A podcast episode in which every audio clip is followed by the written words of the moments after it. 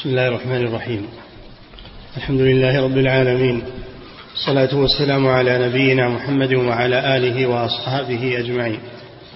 أما بعد قال المؤلف رحمه الله تعالى فإن قلت إن هؤلاء القبوريين يعتقدون أن الله تعالى هو الضار النافع والخير والشر بيده وإن استغاثوا بالأموات قصدوا إنجاز ما يطلبونه من الله سبحانه. قلت وهكذا كانت الجاهلية فإنهم كانوا يعلمون أن الله هو الضار النافع وأن الخير والشر بيده وإنما عبدوا أصنامهم لتقربهم إلى الله زلفى كما حكاه الله عنهم في كتابه العزيز. بسم الله الرحمن الرحيم. الحمد لله رب العالمين. صلى الله وسلم على نبينا محمد وعلى آله وأصحابه أجمعين. هذه من شبه أو من أعظم شبه القبوريين.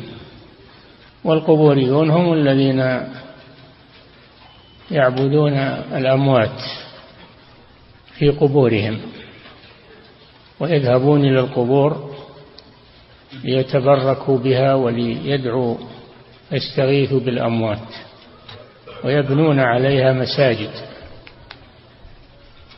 وتصبح مزارات ومشاهد تذبح عندها القرابين وتدفع لها النذور والأموال ويعكفون عندها أياما يطلبون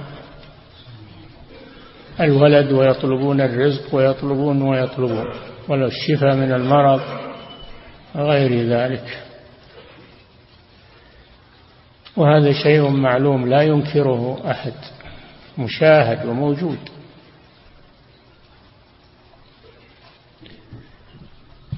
فإذا نهوا عن ذلك قالوا نحن نعتقد أنه لا يضر ولا ينفع. إلا الله سبحانه وتعالى.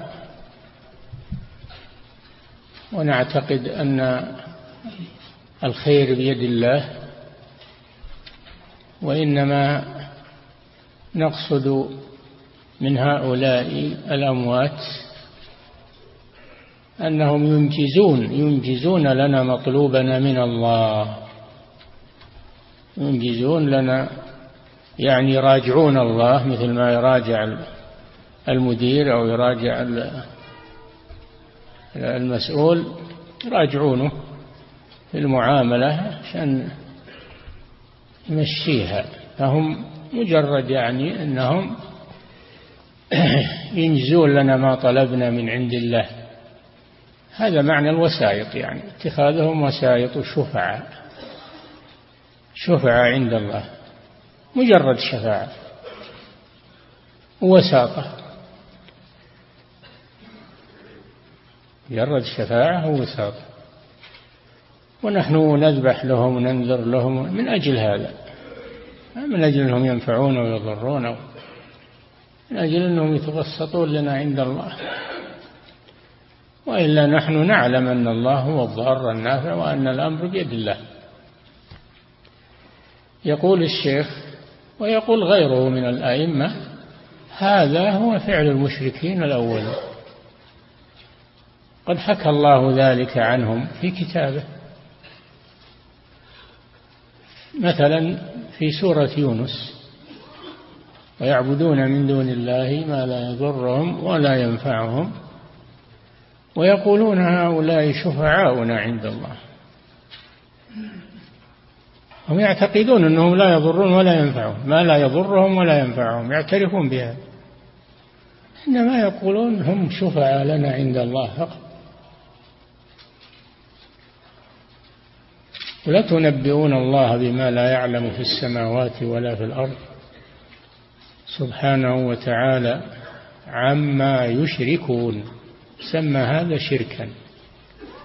وهم يسمونه شفاعة ووسيلة إلى الله. قال سبحانه نزه نفسه عن ذلك. قال سبحانه وتعالى عما يشركون. أتنبئون الله بما لا يعلم في السماوات ولا في الأرض؟ يعني هؤلاء الوسطى ينبهون الله عن طلبكم الله ما يعلمه ولا يسمع دعاءكم. حتى يأتي هؤلاء يتوسطون عنده ويشفعون عنده.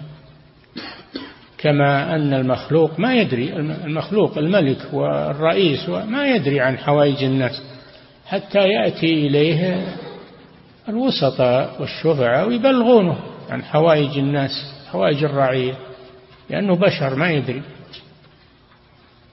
أو ربما أنه يدري لكن ما يريد أنه يقضي حوائج الناس فهؤلاء يؤثرون عليه. وهل الله لا يعلم حتى يبلغ؟ وهل الله لا يجيب حتى يأتيه الشافع ويأثر عليه؟ الملوك يأثر عليهم الشفعاء. لكن الله جل وعلا لا يؤثرون عليه. هو يريد سبحانه يريد أن يرحم عباده يريد أن أن يقضي حوائجهم بدون أن يؤثر عليه أحد. فنزه نفسه عن ذلك وسماه شركا وهم يقولون ما نعبدهم؟ يقولون هؤلاء شفعاؤنا عند الله. يا سبحان الله. الله أمركم أنكم تتخذون شفعاء عنده. أمركم أن تقدموا إليه واسطة. من الذي أمر بهذا؟ أمرهم الشيطان. ولم يقتصروا على أنهم يوسطون هؤلاء بل ذبحوا لهم ونذروا لهم أشركوا صرفوا لهم العبادة.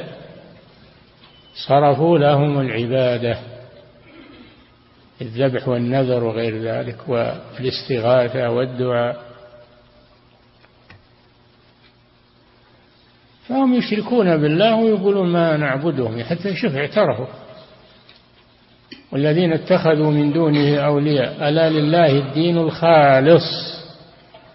والذين اتخذوا من دونه أولياء ما نعبدهم إلا ليقربونا إلى الله زلفى. شوف اعترفوا أنهم يعبدونهم.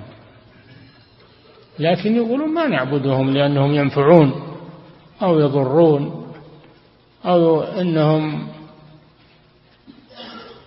يدبرون في الكون ما نعبدهم لهذا إلا لشيء واحد ليقربونا إلى الله زلفى. ليقربونا إلى الله زلفى فقط. فانظر كيف تشابهت قلوبهم. فتشابهت أقوالهم. فهذا هو نفس ما يقوله المشركون في الجاهلية. نعم. يكررونه على الناس. نعم. هذه هذه الشبهة احترقت ولله الحمد. أجيب عنها واحترقت. نعم. فإن قلت إن هؤلاء القبوريين يعتقدون أن الله سبحانه هو الضار النافع والخير والشر بيده وإن استغاثوا بالأموات قصدوا إنجاز ما يطلبونه من الله سبحانه. إنجاز هذا قصدهم أنهم يطلبون من الله. الله يعني يتأنى ويتأخر وربما أنه لا يريد أن يقضي حوائج عباده فإذا جاءه هؤلاء الوسطاء أثروا عليه ودفعوه إلى قضاء حوائج عباده. تعالى الله عما يقولون. قال ربكم ادعوني استجب لكم. أمر بدعاه ووعد بالاستجابة بأن يستجيب. أما يجيب المضطر إذا دعاه الله قريب مجيب. المهم أنك أنت يا أيها السائل أخلص لله تضرع إلى الله بصدق والإجابة حاضرة من الله سبحانه وتعالى. التأخير منك أنت فيك عوائق. تعوق إجابتك فتش في نفسك. وإلا فالله لا يخلف وعده ادعوني يستجب لكم. إذا لم يستجب لك فعندك عائق يمنع. تاكل حرام والذي ياكل الحرام لا تستجاب له دعاء. تدعو بدعاء وأنت غافل الله لا يستجيب لقلب غافل. لاهي تدعو بلسانك وأنت ما تقصد هذا بقلبك. في عوائق عندك أنت فكر في نفسك. وإلا فإن الله قريب مجيب لا يخلف وعده. نعم.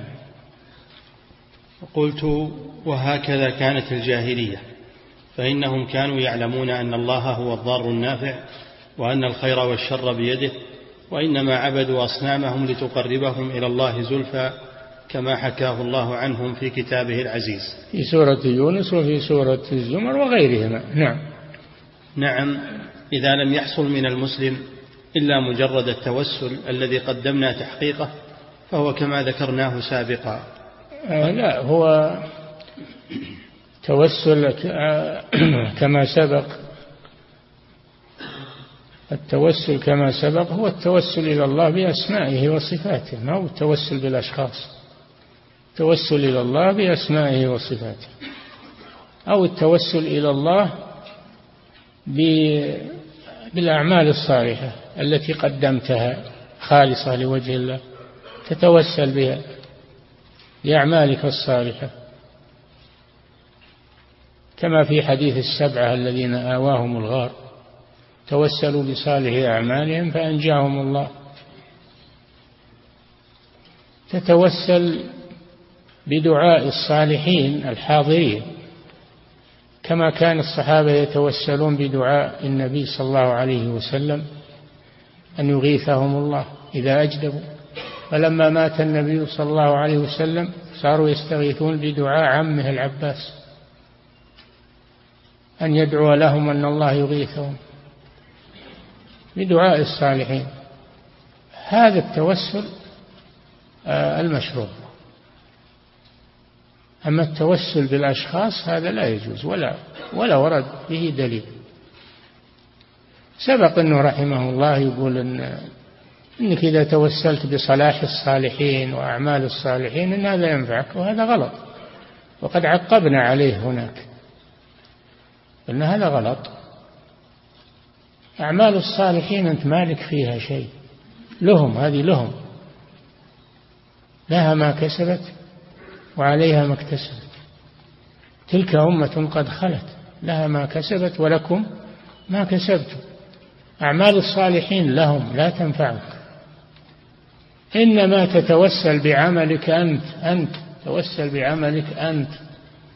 أما أن تتوسل بعمل غيرك فهذا ما لا أصل له ولا ينفعك.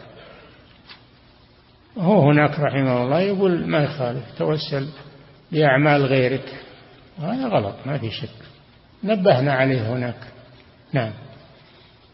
ولكن ولكن من زعم أنه لم يقع منه إلا مجرد التوسل وهو يعتقد من تعظيم ذلك الميت ما لا يجوز اعتقاده في أحد من المخلوقين وزاد على مجرد الاعتقاد فتقرب إلى الأموات بالذبائح والنذور وناداهم أيضا هذه مسألة. تنبهوا لها. إذا كان يتوسل إلى الله ويتوسط ويتشفع عند الله بالمخلوق. فهذا على قسمين. القسم الأول أن يصرف له شيئا من العبادة. يذبح للمخلوق ينذر للمخلوق يستغيث بالمخلوق ويقول هذا واسطتي عند الله. فهذا شرك أكبر كما ذكره الله في سورة يونس. شرك أكبر لأنه صرف العبادة لهذا الواسطة الذي يقدمها إلى الله جل وعلا بزعمه.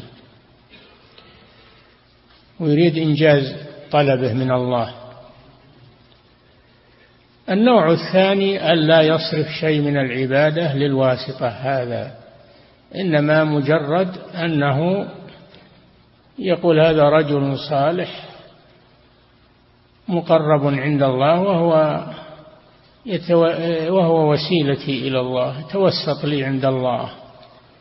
فهذا بدعة هذا التوسل هذا النوع من التوسل بدعة. وأيضا مع كونه بدعة فهو وسيلة إلى الشرك وسيلة إلى النوع الأول. لأنه إذا اعتقد فيه وأنه رجل صالح وأن له مكان عند الله فسيصرف له شيئا من العبادة كما هو مشاهد من القبوريين. هذا التوسل بالمخلوقين على قسمين. منه ما هو شرك إذا صرف شيئا من العبادة لذلك المخلوق المتشفع به المتوسل به أو هو بدعة لأنه لا دليل على هذا ووسيلة إلى الشرك. ها. نعم. ولكن من زعم أنه لم يقع منه إلا مجرد التوسل وهو يعتقد من يعني مجرد التوسل ولم يصرف شيء من العبادة للمتوسل به. نعم. وهو يعتقد من تعظيم ذلك الميت ما لا يجوز اعتقاده في أحد من المخلوقين وزاد على مجرد الاعتقاد. فتقرب إلى الأموات بالذبائح والنذور وناداهم مستغيثا بهم عند الحاجة فهو كاذب في دعواه أنه هذا شرك نعم هذا شرك. إلا ليقربونا إلى الله زلفى إن الله لا يهدي من هو كاذب. شوف من هو كاذب سماه كاذب في ذلك. نعم. فهو من هو كاذب؟ كفار. نعم. فهو كاذب في دعواه أنه متوسل فقط. فلو كان الأمر كما زعم. حتى لو كان متوسلا فقط فهذا بدعة كما ذكرنا. مع أن هذا بعيد. نعم. فهو كاذب في دعواه أنه متوسل فقط فلو كان الأمر كما زعمه لم يقع منه شيء من ذلك. يعني من من العبادة لغير الله. نعم. والمتوسل به لا يحتاج إلى رشوة بنذر. لا والمتوسل به لا يحتاج إلى رشوة بنذر أو ذبح ولا تعظيم ولا اعتقاد. أي نعم يفعلونها لهم من العبادة بمنزلة الرشوة التي تقدم إلى الوسط عند الملوك. نعم. لا نعبدهم إلا ليقربونا شوف إلا ليقربونا. هذا رشوة يعني. يرشونهم بالشرك بالله عز وجل. نعم. والمتوسل به لا يحتاج إلى رشوة بنذر أو ذبح ولا تعظيم ولا اعتقاد لأن المدعو هو الله سبحانه وهو أيضا المجيب. ولا تأثير لمن وقع به التوسل بالعمل الصالح فأي جدوى في رشوة من قد صار تحت أطباق الثرى بشيء من ذلك. هذا لو لو اقتصر على التوسل بدون أنه يصرف شيء من العبادة للمتوسل به. فإنه بدعة. فإنه بدعة. لأن الله لم يشرع هذا ولم يقل ادعوني بواسطة الصالحين. ادعوني بواسطة النبي. ادعوني بواسطة فلان. بل قالوا ادعوني. ادعوني مباشرة. أستجيب لكم. ينزل كل ليلة إلى سماء الدنيا حين يبقى ثلث الليل الآخر فيقول هل من سائل فأعطيه هل من داع فأستجيب له هل من مستغفر فأغفر له؟ بلا واسطة.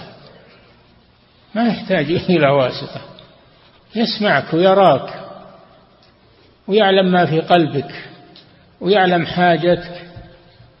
مجرد إنك ترفع يديك إليه هو قريب مجيب سبحانه وتعالى. نعم. وهل هذا إلا فعل من يعتقد التأثير اشتراكا أو استقلالا؟ نعم هذا يعني ما هو ما هو صحيح كلامه. ما نعم. ولا أعدل من شهادة أفعال الجو ولا أعدل من شهادة أفعال جوارح الإنسان على بطلان ما ينطق به لسانه. اللي يقول أنه نعم اللي يقول أنا ما أعتقد فيهم أنهم ينفعون أو يضرون تكذبوا جوارحه. إذا ذبح لهم أو نذر لهم هذا فعل الجوارح يكذب آه، قول اللسان أنه ما ما يعتقد فيهم. لولا أنه يعتقد فيهم النفع والضر لما ذبح لهم لما نذر لهم لما استغاث بهم. نعم. ولا أعدل من شهادة أفعال جوارح الإنسان على بطلان ما ينطق به لسانه من الدعاوى الباطلة العاطلة. نعم. ولذلك في, في يوم القيامة يستنطق الله الجوارح والجلود على أصحابها ويختم على أفواههم. نعم. بل من زعم أنه لم يحصل منه إلا مجرد التوسل وهو يقول بلسانه يا فلان مناديا لمن يعتقده من الأموات فهو كاذب على نفسه. نعم. كاذب على نفسه. ما يمكن هذا. لولا أنه يعتقد في هذا الميت أنه ينفع ويضر ما ناداه ولا ذهب إليه. نعم. ومن أنكر حصول النداء للأموات والاستغاثة بهم استقلالا فليخبرنا ما معنى ما نسمعه في الأقطار اليمنية. من قولهم يا ابن العجيل يا زيلعي يا ابن علوان يا فلان يا فلان. يبين لنا ما مقصود هؤلاء الذين ينادون هؤلاء الأموات. ما هو مقصودهم؟ إلا أنهم يعتقدون فيهم أنهم ينفعون ويضرون. وإلا لما أتعبوا أنفسهم وذهبوا إليهم. نعم. وهل ينكر هذا منكر؟ أو يشك فيه شاك وما عدا ديار اليمن فالأمر فيها أطم وأعم. هذا عند الشيخ في اليمن شيء يعرفه من قومه وما عند غيرهم أشد وأطم وهذا صحيح. ما في الحجاز في وقته ما في الشام وما في مصر إلى اليوم إلى اليوم. شيء معلوم ولا ينكره. إلا مكان واللي يريد أنه يطلع يروح يشوف عند البدوي ولا عند الحسين ولا يروح للعراق يروح يشوف المشاهد مراقد الأئمة ماذا يصنع عندها يروح الكربلاء يروح يروح لا حول ولا قوة إلا بالله. يروح المقام عبد القادر الجيلاني. نعم. وما عدا ديار اليمن فالأمر فيها أطم وأعم ففي كل قرية ميت يعتقده أهلها وينادونه وفي كل بل لا يستريحون ولا يستقرون إلا إذا صار في بلدهم ضريح. البلد اللي ما فيها ضريح أكثرهم ما يطمئن ولا إلا من من الله عليه بمعرفة التوحيد وإلا فالأكثر ما يستقرون إلا بوجود الضريح في بلدهم. هذا مثلا أهل الطائف العباس يقولون يكفيهم العباس وعبد الله بن عباس يعني وكل كل قطر فيه أضرحة أو ضريح. إلى أن من الله على هذه الجزيرة بدعوة الشيخ محمد بن عبد الوهاب رحمه الله وقام بالدعوة وناصره آل سعود فجاهدوا معه فطهر الله هذه البلاد أرض الحجاز وأرض وأرض نجد وما حولها والحمد لله. نعم. ما طهرت هذه البلاد إلا بدعوة التوحيد وبالجهاد في سبيل الله. نعم. من علمائها وولاة أمورها. جزاهم الله خيرا. نعم. ففي كل قرية ميت يعتقده أهلها وينادونه وفي كل مدينة جماعة منهم حتى أنهم في حرم الله ينادون يا ابن عباس يا محجوب في مكة كان فيها كان فيها في في المقابر في المعلات وغيرها فيها قباب كان فيها قباب. إلى أن فتحها الملك عبد العزيز رحمه الله فأزال هذه القباب. من المعلات ومن غيرها. نعم. حتى أنهم في حرم الله ينادون يا ابن عباس يا محجوب فما ظنك بغير ذلك؟ يا ابن عباس في الطائف. المحجوب في الطائف أيضا معروف مسجد المحجوب. من السودان. ولي يقولون أنه من الأولياء وهو من أهل السودان. نعم. فلقد تلطف إبليس وجنوده. نعم. أخزاهم الله تعالى لغالب أهل الملة الإسلامية. فلقد فلقد تلطف إبليس وجنوده وإذا أردتم أن تطلعوا على ما كان في تلك البلاد من المصائب فاقرأوا في أول تفسير في أول تاريخ ابن غنام. الشيخ حسين بن غنام رحمه الله. ذكر ما في هذه البلاد وفي ما جاورها من الأضرحة. نعم. فلقد تلطف إبليس وجنوده. أخزاهم الله تعالى لغالب أهل الملة الإسلامية بلطفة تزلزل الأقدام عن الإسلام. فلقد فلقد تلطف إبليس وجنوده. أخزاهم الله تعالى لغالب أهل الملة الإسلامية. يعني بإبليس وجنوده يروجون يروجون هذه الشبهات هذه الشائعات التي أهلكوا بها الناس الجهال. نعم. فلقد تلطف إبليس وجنوده أخزاهم الله تعالى لغالب أهل الملة الإسلامية بلطفة تزلزل الأقدام عن الإسلام. فإنا لله وإنا إليه راجعون. فعل إبليس مع مع قوم نوح لا يخفاكم. أتاهم وأمرهم بتصوير الصالحين بقصد الذكرى والتذكر أحوالهم. ولما نصبوا الصور وطال الزمان وجاء ناس يجهلون التوحيد عبدوها من دون الله. نعم.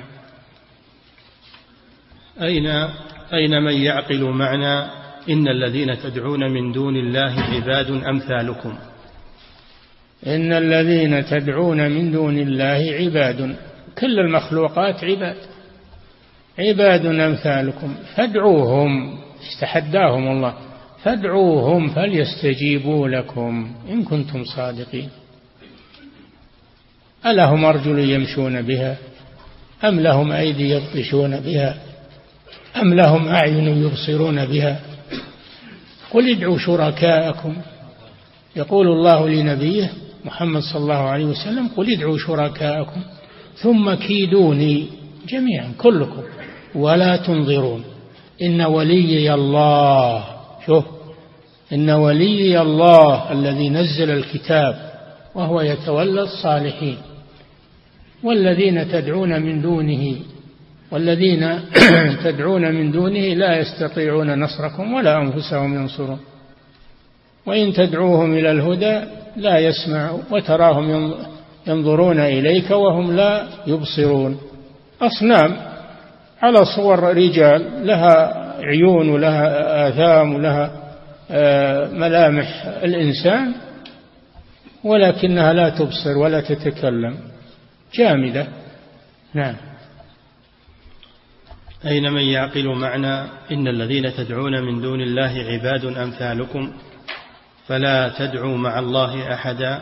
وقوله تعالى فلا تدعوا مع وأن المساجد لله فلا تدعوا مع الله أحدا بل الدعاء لله عز وجل. لا يدعى ميت ولا قبر ولا حجر ولا شجر. نعم. له دعوة الحق والذين يدعون من دونه والذين يدعون من دونه لا يستجيبون لهم بشيء. له دعوة الحق. والذين يدعون من دونه ما يملكون من قطمير ما يملكون شيء. ذلكم الله ربكم له الملك. ذلكم الله ربكم له الملك. والذين تدعون من دونه ما يملكون من قطمير إن تدعوهم لا يسمعوا دعاءكم. ولو سمعوا ما استجابوا لكم. ويوم القيامة يكفرون بشرككم تبرؤون منهم ولا ينبئك مثل خبير. الله جل وعلا خبير في هذا. ولا ينبئك مثل خبير. هذا هذا مآل المشركين يوم القيامة. وفي الدنيا يعيشون على ضلال وعلى جهل وعلى شر. نعم.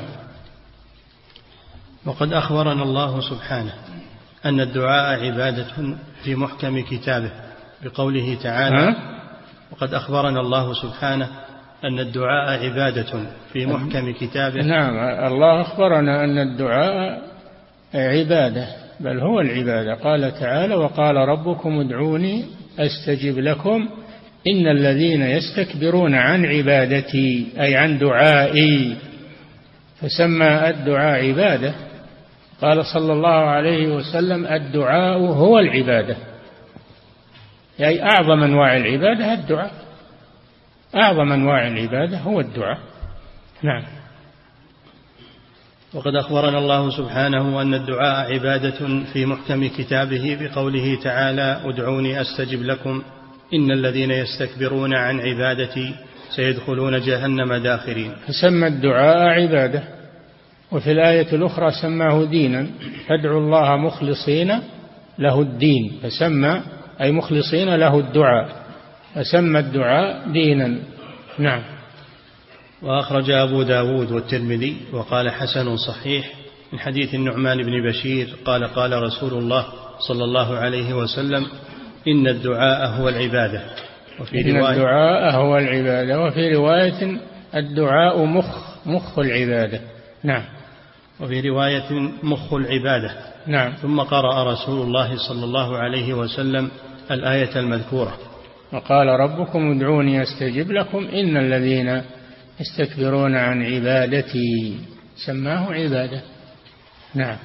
وأخرجه أيضا النسائي وابن ماجه والحاكم وأحمد وابن أبي شيبة باللفظ المذكور. نعم. وكذلك النحر للأموات عبادة لهم. فمن من أنواع عبادة الأموات؟ الدعاء وهذا خلصنا منه. ومن أنواعها النحر لهم والذبح لهم. كما هو مشاهد عند عباد القبور يأتون بالأنعام. يأتون بالأنعام وقد تكون كثيرة وينحرونها عند الضريح وعند المشهد. نعم.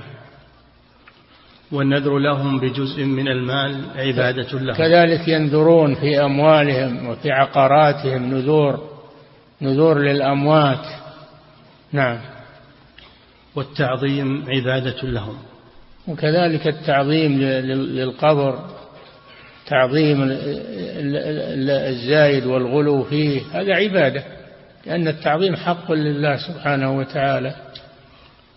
نعم. كما أن النحر للنسك وإخراجه صدقة المال والخضوع والاستكانة كما أن النحر للنسك وإخراج صدقة المال والخضوع والاستكانة عبادة لله عز وجل بلا خلاف. كما أن النحر والذبح عبادة لله. قال تعالى فصل لربك وانحر. قال تعالى قل إن صلاتي ونسكي أي ذبيحتي لله. رب العالمين لا شريك له وبذلك أمرت. وأنا أول المسلمين. قل أغير الله أبغي ربا وهو رب كل شيء. فالذبح عبادة والنحر الذبح الذبح للبقر والغنم والنحر للإبل. النحر للإبل. في السنة لعن الله من ذبح لغير الله. لعن الله من ذبح لغير الله. فالذبح عبادة. لأنه تقرب إلى الله بالمال الذي هو أعز شيء إليه. طيب ذبحت لله ماذا تصنع باللحم؟ تتصدق به على المحتاجين. تتصدق به على المحتاجين الذين يأكلونه. نعم. كما أن كما أن النحر للنسك وإخراج صدقة المال. للنسك شوف النحر للنسك اللي شرعه الله جل وعلا. نعم. وإخراج صدقة المال. نعم. والخضوع والاستكانة عبادة لله عز وجل بلا خلاف. نعم. ومن زعم أن ثم فرقا بين الأمرين فليهده لنا فليهده إلينا. الخضوع الخضوع لله حق لله الركوع تركع لله. لا تركع لغيره لكن هؤلاء يركعون ويسجدون عند الأضرحة يركعون لها إذا أقبلوا عليها ركعوا أو وقفوا عندها ركعوا ويسجدون على أعتابها. تقربون إليها بالركوع والسجود. مع أن الركوع والسجود لا يجوز إلا لله سبحانه وتعالى. نعم. ومن قال إنه لم يقصد بدعاء الأموات والنحر لهم والنذر عليهم عبادتهم فقل له فلأي مقتضى صنعت هذا الصنيع؟ بعضهم يكابر ويقول أنا ما قصدت بالذبح لهم والنذر لهم أني أعبدهم ما قصدت إلا من أجل أنهم يقربوني إلى الله زلفى ويشفعون لي عند الله. ما قصدت عبادتهم بذلك. فيقول لماذا ذبحت إذا عندهم؟ ما جبت ذبايحك وبهايمك وذبحتها عند ضيحتهم إلا لأنك تريد التقرب إليهم بها. ولا ليش ما ليش ما ذبحتها بعيد؟ ووزعت لحمها لو تريد الصدقة؟ نعم. ومن قال إنه لم يقصد بدعاء الأموات والنحر لهم والنذر عليهم عبادتهم فقل له فلأي مقتضى صنعت هذا الصنيع؟ فإن دعاءك للميت عند نزول أمر بك لا يكون إلا لشيء في قلبك عبر عنه لسانك. إذا حزبهم أمر لا يدعون الله إنما يدعون الأولياء والصالحين يهتفون بأسمائهم ويطلبون منهم الغوث والمدد. المدد يا حسين يقولون يا فلان يا عبد القادر. وينسون الله سبحانه وتعالى. بينما المشركون في الجاهلية إذا مسهم الضر أخلصوا الدعاء لله. والمشركون في هذه الأمة إذا مسهم الضر زاد شركهم وزاد نداؤهم للأموات. نعم. فإن دعاءك للميت عند نزول أمر بك لا يكون إلا لشيء في قلبك عبر عنه لسانك فإن كنت تهدي بذكر الأموات عند عروض, عند عروض الحاجات من دون اعتقاد منك لهم فأنت مصاب بعقلك.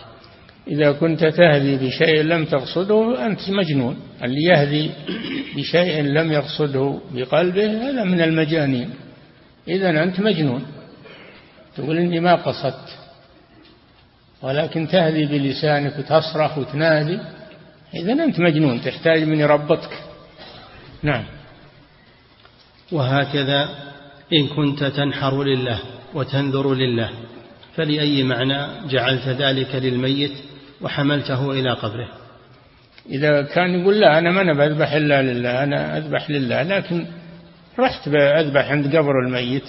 يقول وش اللي روحك القبر الميت؟ اذبح لله في أي مكان من أرض الله بعيدا عن القبور. ما رحت لقبورهم إلا لأنك تقصدهم. هالمغالطة. اللي يجوبونه نعم.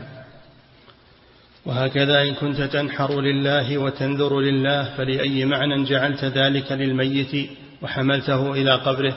فإن الفقراء على ظهر البسيطة في كل بقعة من بقاع الأرض.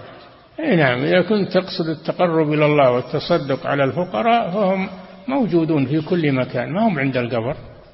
موجودون. يمكن جيرانك اللي حولك واللي ببلدك. اذبح وتصدق عليهم. انظر لله وأعطهم النذر. لا تذهب إلى القبر. لا أي شيء تذهب إلى القبر.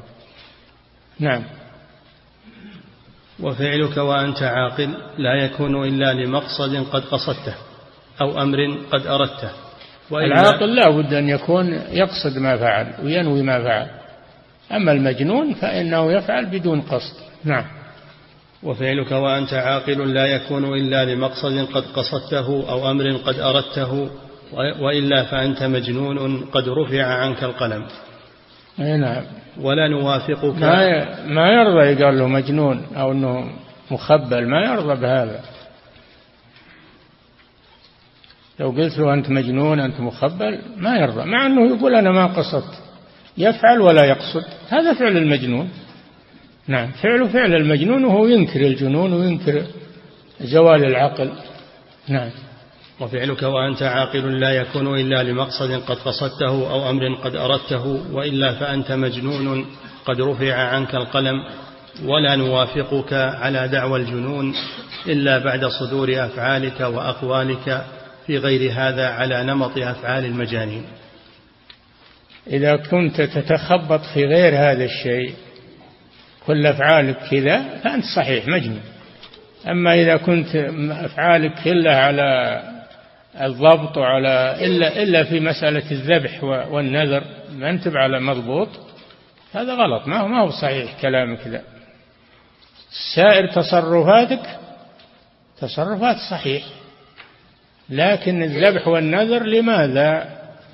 فعلته بدون قصد كما تزعم. يعني ما تصير مجنون إلا عند القبر فقط. نعم. ولا نوافقك على دعوى الجنون إلا بعد صدور أفعالك وأقوالك في غير هذا على نمط أفعال المجانين. نعم. إذا كنت كل أفعالك أفعال المجانين مرفوع عنك القلم ولا. أما إذا كان أفعالك كل أكثرها على السداد إلا في هذه الأنواع فأنت كذاب في قولك إنك ما قصدت. نعم. فإن كنت تصدرها مصدر أفعال العقلاء فأنت تكذب على نفسك في دعواك الجنون. نعم. فأنت تكذب على نفسك في دعواك الجنون في هذا الفعل بخصوصه فرارا عن أن يلزمك ما لزم عباد الأوثان. في هذا الفعل بخصوصه اللي هو الذبح والنذر. نعم. فرارا عن أن يلزمك ما لزم عباد الأوثان الذين حكى الله عنهم في كتابه العزيز ما حكاه بقوله سبحانه وجعلوا لله مما ذرأ من الحرث والأنعام نصيبا فقالوا هذا لله بزعمهم وهذا لشركائنا. نعم.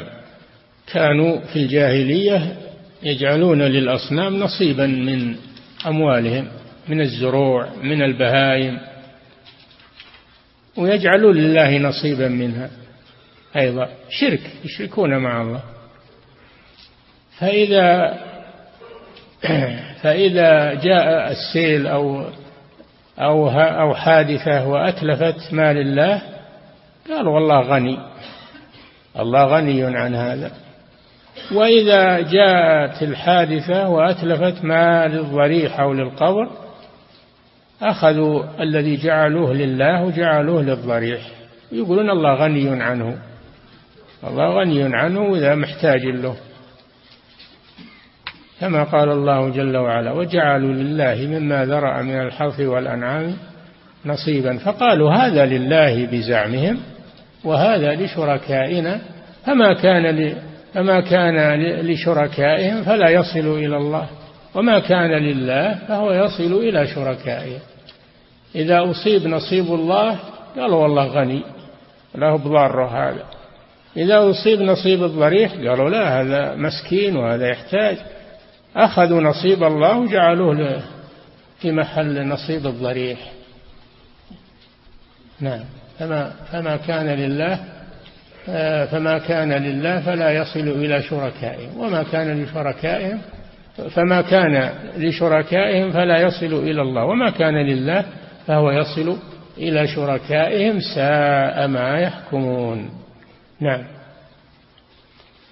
وبقوله تعالى ويجعلون لما لا يعلمون نصيبا مما رزقناهم تالله لتسألن عما كنتم تفترون. نعم آية النحل مثل آية الأنعام. يجعلون لما لا يعلمون نصيبا مما رزقناهم من الحروث والبهائم.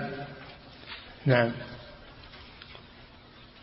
فإن قلت تالله أقسم الله جل وعلا بنفسه تالله لتسألن عما كنتم تفترون. سماه افتراء وتوعدهم بأنه سيسألهم يوم القيامة. نعم.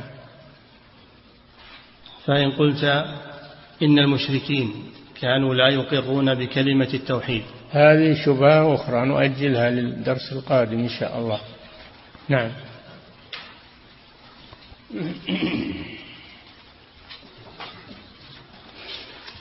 فضيلة الشيخ وفقكم الله. أسئلة كثيرة تسأل عن ما هو التوجيه الشرعي تجاه ما حصل قبل أيام من تجاوزات من شخص في حق الله تعالى وحق رسوله صلى الله عليه وسلم. تجاوزات يقول لم يجرؤ عليها إبليس. نسأل الله. هذا الحمد لله تكاثرت عليه الإنكارات تكاثرت عليه الاحتجاجات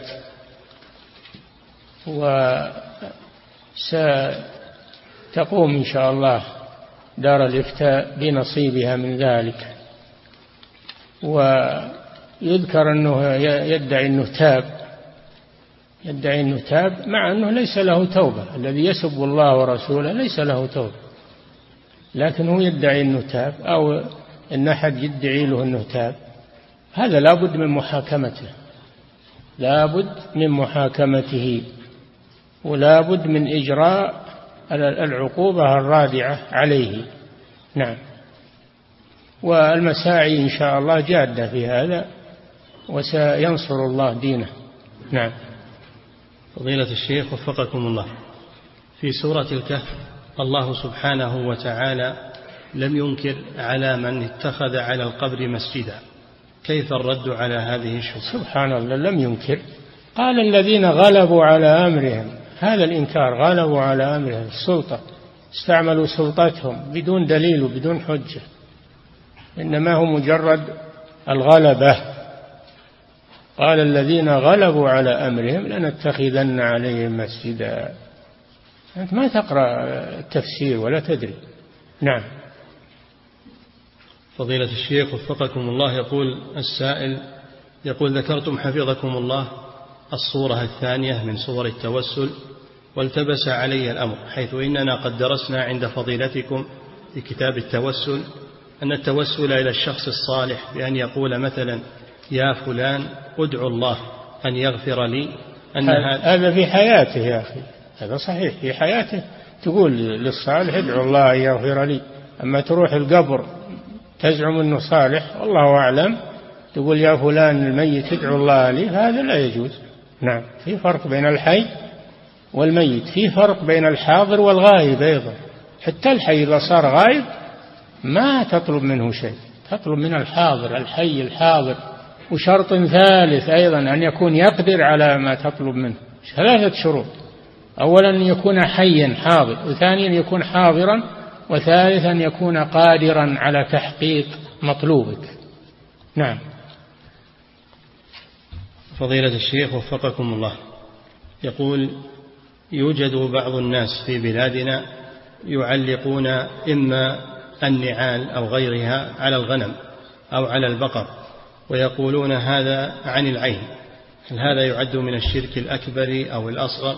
وهل يعذرون بالجهل في هذا؟ هذا من تعليق التمائم هذا من تعليق التمائم. وفي الحديث إن الرقى والتمائم والتولة شرك تعليقها شرك لأنها لأنه يعتقد فيها أنها تدفع العين وتدفع المرض وتدفع الحمى. قد رأى النبي صلى الله عليه وسلم رجلا في يده حلقة من صهر قال ما هذه؟ قال من الواهنة. يعني الحمى يتقي بها الحمى. قال انزعها فإنها لا تزيدك إلا وهنا. ولو مت وهي عليك ما أفلحت أبدا. سواء على البهائم أو على الآدميين. هذه من التمائم وهي شرك. نعم. أو على السيارات. يحطون على السيارات الآن. نعم. فضيلة الشيخ وفقكم الله.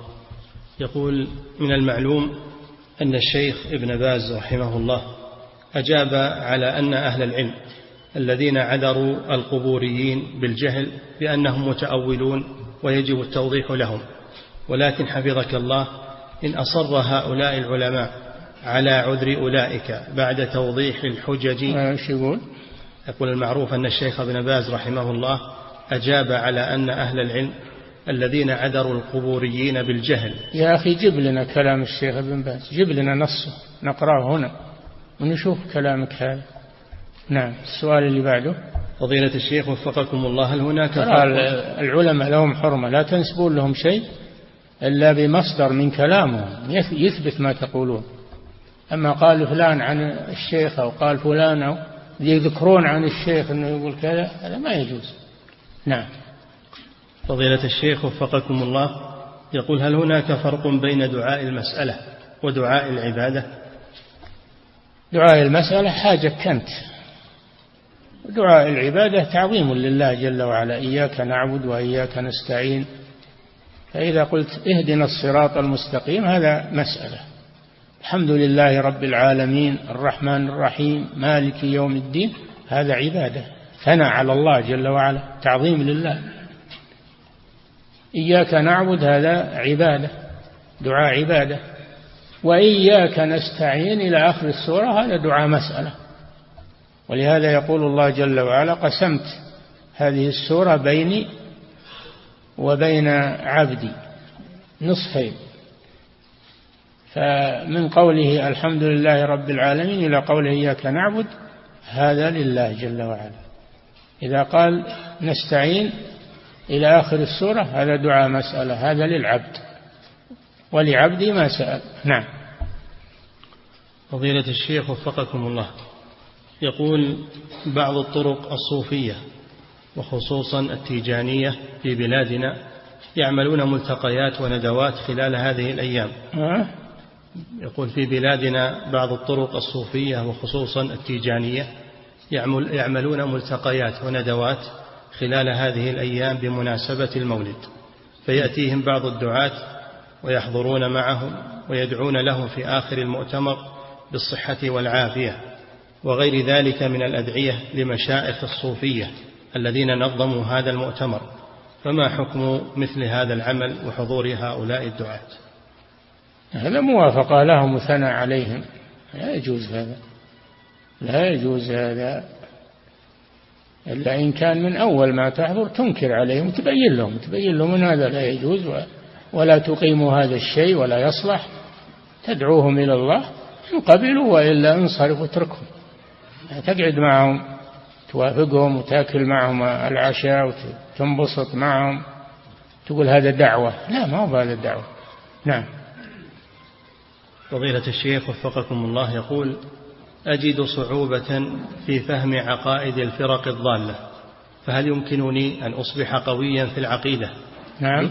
يقول أجد صعوبة في فهم عقائد الفرق الضالة فهل يمكنني أن أصبح قويا في العقيدة دون دون دراسة عقائد هذه الفرق؟ لا لابد من الدراسة لابد من دراسة العقائد التي ألفها أهل العلم الثقات. وفيها مقالات أهل الضلال والرد عليها موجود. نعم. فضيلة الشيخ وفقكم الله بعض المؤرخين المعاصرين يقولون إن, إن ابن غنام رحمه الله بالغ في وصف حال نجد. لأنهم ما يدرون ما يدرون ما, ما يدرون. ابن غنام شاهد هذا الشيء ولي ولي وما رأى وما رأى كمن سمع. ابن غنام يعني يكذبون ابن غنام. يصدقوا الموجود الآن الباقي في الآفاق موجود الآن. فابن غنام شاهد هذه الأشياء وأخبر عنها. أما أنت فأنت ما رأيتها. أنت ما رأيتها. وهذا من إيحاء القبوريين. هم الذين يقولون أنتم تكذبون على الناس ولا حصل شيء ولا والبلاد بلاد توحيد وبلاد نعم. فضيلة الشيخ وفقكم الله.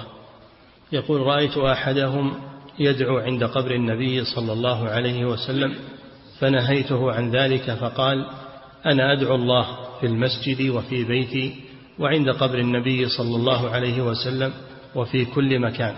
لا عند قبر النبي لا لا تدعو الله. في المسجد النبوي اتجه للقبلة وادعو الله عز وجل. ما منعك أحد. أما أنك تستقبل القبر وتدعو هذا لا يجوز.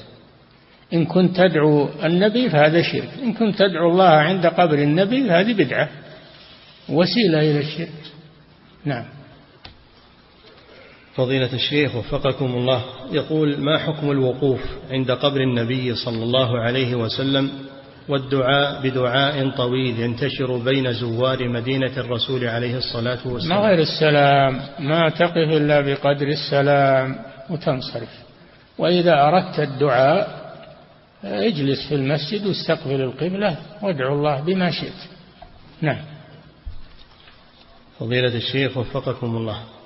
يقول السائل يقول أنا شاب تزوجت من نصرانية. وتحضر معي الجمعة والأعياد أملا في هدايتها ولكنها تطلب مني الذهاب إلى الكنيسة حتى يبارك القسيس زواجنا لمجرد شكل رسمي فقط. فهل يجوز لي أن أذهب لا. معها؟ لا. لا يجوز لك أن تذهب معها. ولا يبارك لك القسيس. هذا الشيطان ما هو بالقسيس. ليس عنده بركة. البركة من الله سبحانه وتعالى. فلا تذهب معها؟ وأبغض دينها أبغض دينها بغضا شديدا. نعم. فضيلة الشيخ وفقكم الله. يقول السائل وغيره كثير يقول هل التوسل بدون صرف شيء من العبادة يعد شركا أصغر أم هو بدعة فقط؟ ذكرنا لكم هذا قلنا التوسل على نوعين. التوسل الممنوع على نوعين. النوع الأول أن يصرف شيء من العبادة للمتوسل به وهذا شرك أكبر وهذا فعل أهل الجاهلية. ويعبدون من دون الله ما لا يضرهم ولا ينفعهم ويقولون هؤلاء شفعاؤنا عند الله. النوع الثاني أن تجعل المتوسل به مجرد واسطة مجرد واسطة بينك وبين الله تزعم أنه يقربك إلى الله فقط. وأن الله يستجيب لك بواسطته فهذا بدعة. هذا بدعة ووسيلة من وسائل الشرك إذا لم تصرف له شيئا من العبادة. نعم. فضيلة الشيخ وفقكم الله يقول من الشبه التي يذكرها القبوريون عندنا أنهم يقولون نحن مقصرون ومذنبون ونستحي أن ندعو الله ونطلبه. فنلجأ للولي لأن لديه جاها ومكانة. فبماذا نرد عليهم؟ قل هل الله أمركم بهذا؟ أول شيء قل هل الله أمركم بهذا؟ هاتوا دليل أن الله أمركم بهذا. هذا شرع ما لم يأذن به الله؟ فهو بدعة ولا يجوز. الله أمركم بدعائه مباشرة بدون أحد. قال ربكم ادعوني. ما قال ادعوني؟ بواسطة فلان. هذا تقول على الله عز وجل. طيب أنت مذنب وأنت تستحي؟ استحي من الله واستغفر الله وتوب إلى الله والله قريب مجيب غفور رحيم. نعم. فضيلة الشيخ وفقكم الله يقول بعض المتعاطفين مع القبوريين ينكرون الأحداث الشركية التي تقع عند القبور كما يقع عند البدوي وكربلاء وغير ذلك. سؤاله هل إذا أريته مقاطع الفيديو عبر الإنترنت والتي فيها تلك الأمور الشركية حتى يقتنع ويصدق بالوقوع هل علي بأس في ذلك؟ إذا كان يقتنع فالحمد لله لكن الظاهر أنه ما يقتنع لكن أنت تقيم عليه الحجة فقط. تريه إياها لأجل تقيم عليه الحجة ولا هو ما هو مقتنع إلا الله أعلم. نادرا. نعم. فضيلة الشيخ وفقكم الله. يقول السائل عندنا في بلادنا في أرتيريا أضرح. يقول عندنا في بلادنا في أرتيريا. أريتريا أريتريا أضرحة. تزار من قبل الناس. كل مكان بكل مكان الأضرحة. نعم. يقول وبعض هؤلاء يكونوا فقراء ويذهبون ليسدوا ما بهم من الفاقة ومن الجوع ليأكلوا من هذه الذبائح التي تذبح هناك. فهل يجوز ذلك؟ يعني إن سدت أبواب الرزق إلا عند الأضرحة اطلبوا الرزق من الله عز وجل.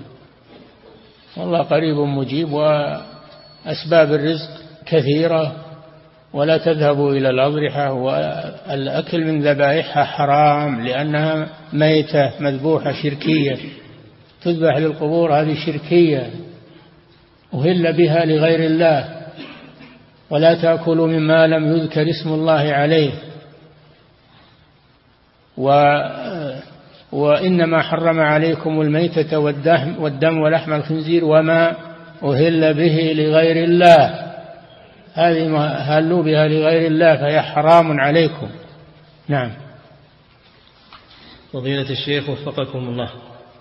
الأسماء التي ذكرها الشيخ رحمه الله ابن عجيل أو ابن عجيل ويا زيلعي وابن علوان هل هؤلاء كانوا رجالا صالحين أدري يعرفهم أهل اليمن أنا ما أعرفهم. نعم. فضيلة الشيخ وفقكم الله يقول ثلاثة أشخاص. فرضنا أنهم صالحين وأتقياء ما يجوز أن أن يستغاث بهم وأن يدعوا من دون الله عز وجل. نعم. فضيلة الشيخ وفقكم الله يقول نحن أو يوجد ثلاثة أشخاص وأحفظهم لكتاب الله هو الذي يصلي بهم. فهل يقدم مع أن هناك من يقول بأن لديه تصوف مع أنه لا يظهر, لا يظهر أمر واضح أو لا يظهر أمرا واضحا من عقائد الصوفية. فهل نصلي خلفه؟ إذا ما تبين لكم شيء صلوا خلفه. ما إذا تبين شيء أنه من الصوفية ومبتدع فلا تصلوا خلفه. نعم. تثبتوا من من شأنه. نعم. فضيلة الشيخ وفقكم الله. اعتاد الناس الوقوف للضيف عند استقباله. فما حكم الوقوف مع العلم أن النبي صلى الله عليه وسلم نهى عن ذلك وكان يكرهه؟ وهل هو من التعظيم؟ يا أخي ما هو بكذا. الوقوف للسلام واستقبال الضيف لا بأس به. قوموا الرسول صلى الله عليه وسلم قال للأنصار قوموا إلى سيدكم يعني سعد بن معاذ. فاستقبال الضيف والسلام عليه لا بأس. الذي نهى عنه الرسول أن تقوموا عليه وهو جالس. يكون الإنسان جالس ويقوم عليه ناس. هذا لا يجوز. هذا فعل فارس والروم. إلا إذا كان يحتاج إلى حراسة. انتبهوا. إذا كان السلطان يحتاج إلى حراسة فلا بأس.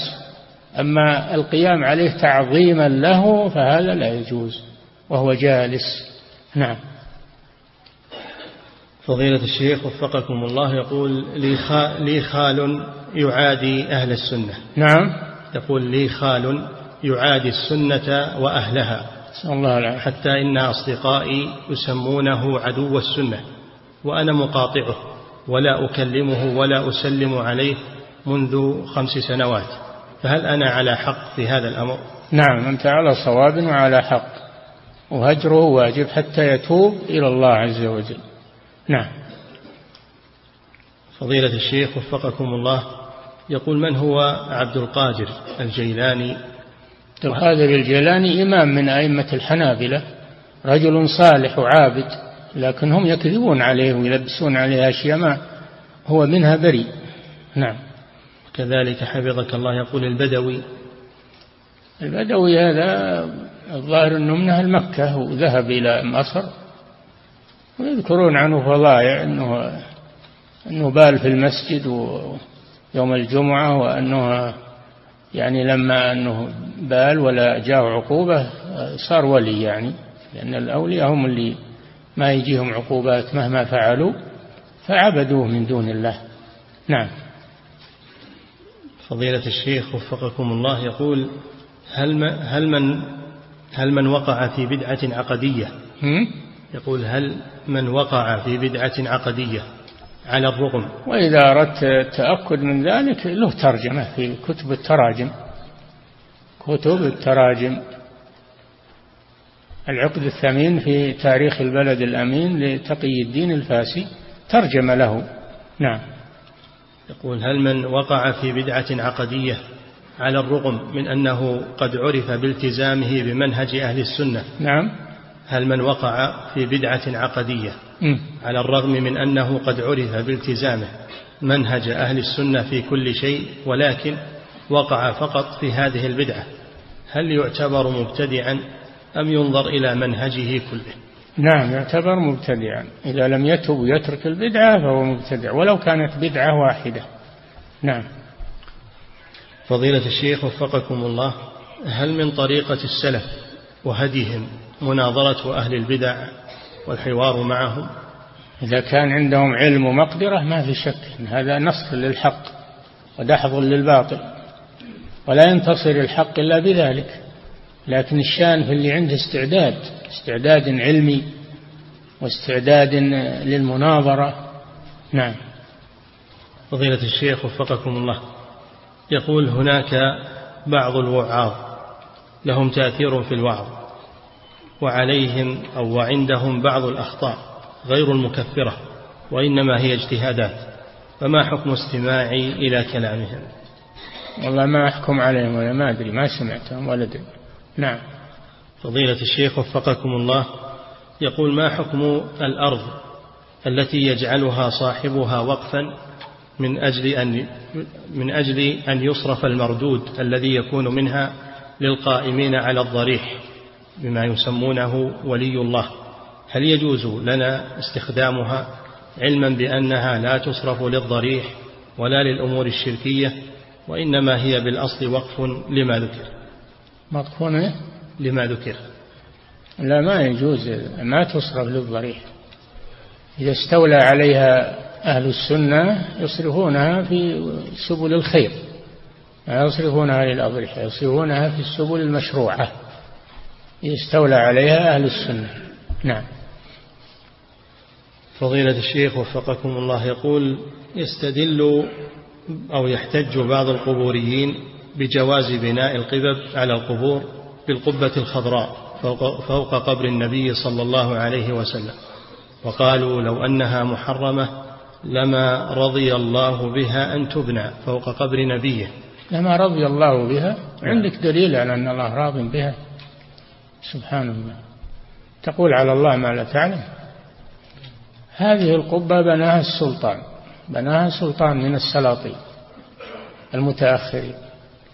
ما بناها بأمر العلماء ولا بمشورة العلماء؟ وأيضا القبر ما كان في المسجد كان خارج المسجد. لما دفن النبي صلى الله عليه وسلم في بيته لأي شيء دفن في بيته ولم يدفن في البقيع لأنه يخشى أن يتخذ مسجدا يعظم. فجعل بين الجدران صيانة له وحماية له في بيته. وبقي في بيته خارج المسجد. في خلافة الخلفاء الراشدين وخلافة معاوية بن أبي سفيان وخلافة عبد الملك بن مروان إلى أن جاء الوليد بن عبد الملك فأراد أن يوسع المسجد النبوي فوسعه من جهة الشرق وأدخل فيه الحجرة النبوية ولم يكن هذا برضا أهل العلم إنما هذا تصرف سلطاني تصرف سلطاني. وهذا مر بكم في تطهير الاعتقاد للشوكاني مر بكم ذكر الحجرة النبوية وإدخالها في المسجد مر بكم هذا في تطهير الاعتقاد الذي قرأناه هنا. نعم. فضيلة الشيخ وفقكم الله. يقول السائل يقول لي ابنة بالصف الثاني الابتدائي. نعم. يقول عندي ابنة بالصف الثاني الابتدائي نعم. بإحدى المدارس الأهلية لتحفيظ القرآن. ولها معلمة للقرآن تطلب منها إذا كان هناك آيات في وصف الجنة مثلا تطلب منها رسما أو جمعا للصور عن ذلك. فمثلا في سورة محمد مثل الجنة التي وعد المتقون فيها أنهار يقول تطلب منها جمع صور للأنهار. يقول هذا عبث في القرآن هذا من العبث في القرآن ولا يجوز هذا. القرآن والمصحف يجرد ويترك على وضعه ولا يزاد فيه شيء. ظهر مصاحف الآن معبوث بها يجعلون ذكر النار أرض حمراء ويجعلون ذكر الجنة أرضية الورق خضراء ويجعلون أدري كيف هذا التصرف هذا. لا يجوز العبث في المصاحف. المصاحف تجرد من هذه التصرفات. نعم.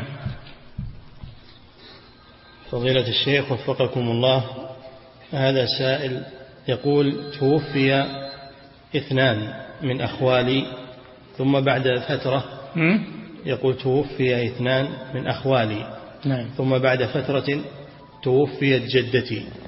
ومع ذلك ورثوا منها. فما العمل الآن؟ وخصوصا أنني أعرف أنهم لا يرثون. ارفع إلى المحكمة. الأمر هذا والمحكمة تنظر فيه. نعم. فضيلة الشيخ وفقكم الله يقول هل يكره السجود ونصف الجبهة قد غطي بالشماغ أو الطاقية؟ نعم يصح السجود لكن الأفضل أن يباشر أن يباشر المصلى بجبهته على الأرض أو على فراش أن يباشره هذا الأفضل. نعم. فضيلة الشيخ وفقكم الله يقول نقل أحد طلاب العلم عن فضيلتكم بأنكم قد أفتيتم في درس البارحة بقتل شاتم الرسول صلى الله عليه وسلم وحتى وإن تاب. وأنه لا توبة له. يقتله ولي الأمر. ما هو أنت اللي تقتله؟ يقتله ولي الأمر. السلطان هو الذي يقتله بحكم من المحكمة الشرعية. هي المسألة فوضى؟ نعم أنا ما قلت هذا. ما قلت كل واحد يقتله. نعم. يكذبون علي وأنا حاضر. سبحان الله. نعم. فضيلة الشيخ وفقكم الله. هذا أو هذه امرأة من السنغال تقول قد توفي زوجها قبل أكثر من سنة. نعم. امرأة من السنغال تقول إنه قد توفي زوجها قبل أكثر من سنة. نعم. بحادث مروري.